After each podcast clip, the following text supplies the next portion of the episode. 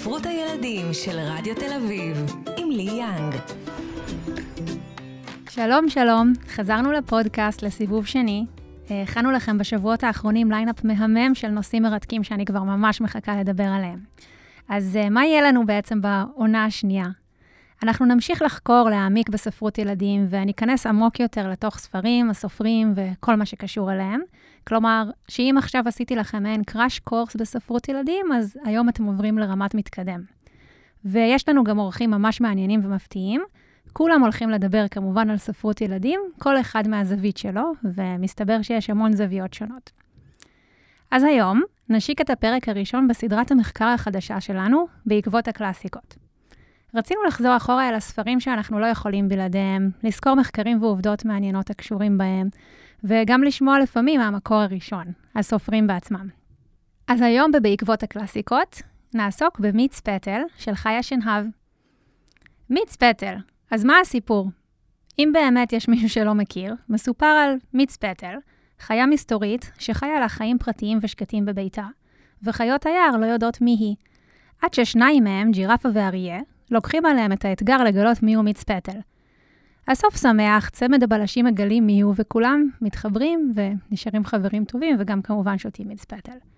שנהב הסופרת מספרת שהבן שלה אהב מיץ פטל, ובעקבות כך היא החלה לספר לו סיפור על המיץ הזה, ומשם הכל בעצם התחיל. הספר עצמו היה מנוגד לרוח התקופה.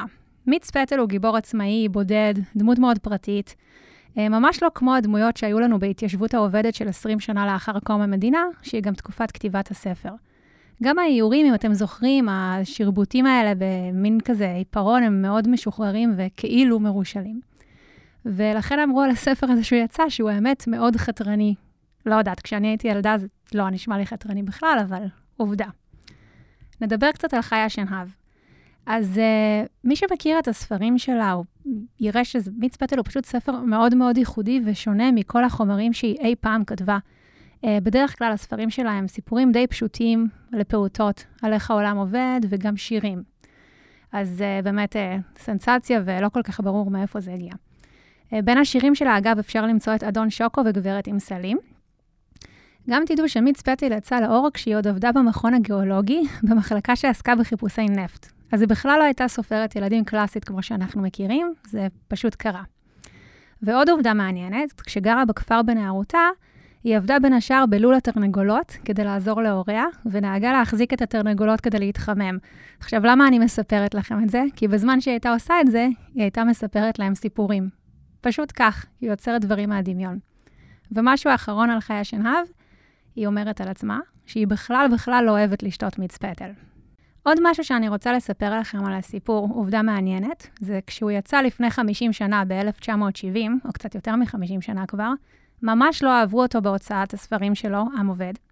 המנכ"ל אליעזר פרי כתב לעורך ספריית הילדים שלו, שהיה טט כרמי, שזהו ספר יקר להפקה, וממש לא מעניין, ובטוח בטוח שהוא לא יימכר. לבסוף הקהל הצביע ברגליים, ונמכרו מעל 200 אלף עותקים במעל 62 מהדורות. אז הוא טעה. מה סוד הקסם של מיץ פטל? לדעתי, סוד הקסם הוא הסוד. הסוד פה פשוט מרתק, כי אנחנו רואים את מיץ פטל לאורך כל הספר. אפילו אם אתם פותחים את ה... אתם מסתכלים על העמוד הראשון בפורזץ, רואים אותו. הוא ארנב, זה ברור. עכשיו, ג'ירפה ואריה משום מה לא יודעים מי הוא, לא ברור. כאילו, הם, הם טיפשים, הם, הם תמימים, אנחנו לא יודעים. וגם כשהם רואים אותו, אז הם אומרים לו, אתה פיל, אתה יתוש, אתם זוכרים, הם מנחשים את כל הניחושים האלה. אז זה מאוד משעשע, וזה אפילו מצחיק ילדים היום. אמ, אז הדמויות של ג'ירפה ואריה הן באמת די היסטריות בכל קנה מידה. הן מאוד מאוד מגושמות, הן לא מצליחות להתחבא מאחורי עצים, הן צועקות ויורדות אחת על השנייה, אז, אז גם, כאילו, הבדיחות שלהן עדיין עוברות. בכל זאת, השניים מתנהגים כמו שני מדענים, שלא מבינים מה הם רואים בדיוק לנגד עיניהם, או לא רוצים להיות בטוחים, אוקיי? גם כשהם רואים רגל קטנה, אוזן ארוכה, חלקה ולבנה, הם, הם לא משתכנעים. אז אולי בכל זאת הם כן אינטליגנטים ורוצים לראות שהם באמת, באמת, באמת יכולים לדעת מי הוא מצפתל לפני שהם קובעים קביעה שהוא ארנב. אה, וגם יש בסיפור הזה תכונות שילדים מאוד זקוקים להן, שהן סבלנות ועדינות. נגיד, תראו איך בהתחלה ג'ירפה ואריה מנסים לגלות מי הוא מיץ פטל באגרסיביות. הם כאילו מתחבאים, הם צועקים, זה לא עובד. אבל רק בסוף שהם היו בשקט בשקט וחיכו והמתינו שהוא יצא, הם הצליחו להכיר אותו. ואחר כך הם גם מתחברים כמו שילדים מתחברים אחד לשני, שזה באמצעות משחק. ואז הוא מזמין אותם לבית, וסוף שמח. אז uh, חיה שנהב, שכתבה את הסיפור, דיברתי איתה בקשר להגיע לכאן להתראיין, ולצערנו היא לא יכלה להגיע להתראיין, אבל היא מאוד מאוד רצתה לתרום ולהשתתף בפודקאסט. אז uh, שאלתי אותה בעצמי שאלות, והיא ענתה לי, והנה התוצאה. רציתי שהיא תספר לנו על הסיפור. והיא אמרה שמיץ פטל זה בעצם סיפור על חברים, וכמובן סיפור עם הרבה סודות בתוכו. Uh, חברים, כי מיץ פטל גם מחפש חבר, גם ג'ירפה ואריה מחפשים חבר, והסוד זה כי יש כאן את הסוד הגדול הזה שאנחנו לא יודעים אפילו, אנחנו לא יודעים אפילו אם הוא ממש כתוב בסיפור. נגיד, אה, חיה אמרה שהיא כל פעם מגלה על הסיפור עוד משהו.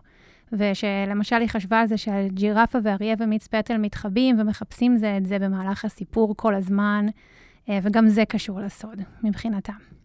שאלתי אותה גם אם היא מכירה עוד סיפור שהוא דומה למיץ פטל, והיא אמרה שהאמת, ממש ממש לא, שזה מעניין, כי גם אצלה, אמרתי לכם, אני לא, לא כל כך יודעת מאיפה הסיפור הזה הגיע, הוא באמת מאוד מיוחד ושונה בכתיבה שלו, בסדר הפעולות, בסיפור, הכל. Um, לבסוף שאלתי אותה מה היא מאחלת לספרות הילדים הישראלית, ואם היא חושבת שהספר שלה עדיין יישאר בפנתיאון. היא אמרה שהיא מקווה שכן, וכמובן שהיא מאחלת לכולנו uh, ולילדים שלנו שימשיכו לקרוא המון המון ספרים. אז uh, תודה מכאן לחיה שנהב. ההמלצה שלי. עכשיו אני רוצה להמליץ לכם המלצה על סיפור, כמנהגנו. אז uh, ספר של חיה שנהב, למי שבאמת רוצה להכיר אותה, uh, קוראים לו די uh, טריוויאלי. הספר הגדול של חיה שנהב יצא לראשונה לפני 30 שנה, ובאמת מומלץ למי שרוצה כאילו לשמוע, לקרוא קצת סיפורים, וגם שירים שלה, וכולל מיץ פטל. Um, לילדים שאוהבים להקשיב, אגב, כי יש שם איורי רקע של דני קרמן, אבל הם יותר בשביל האסתטיקה. זה לא סיפור של ממש. אה, ואגב, uh, אתמול, בגלל שהספרים של חיה היו על, על שולחן העבודה שלי, בגלל הפודקאסט, אז הבן שלי uh, לקח, הוא הרים את uh, תעלולי צמד חמד, שזה ספר גם מאוד ישן שלה. הוא הקשיב לו ומאוד אהב אותו, אז מסתבר שגם זה עובד. הספרים שלה עובדים. כל הכבוד. אני רוצה להודות לכל מי שהיה איתנו פה היום.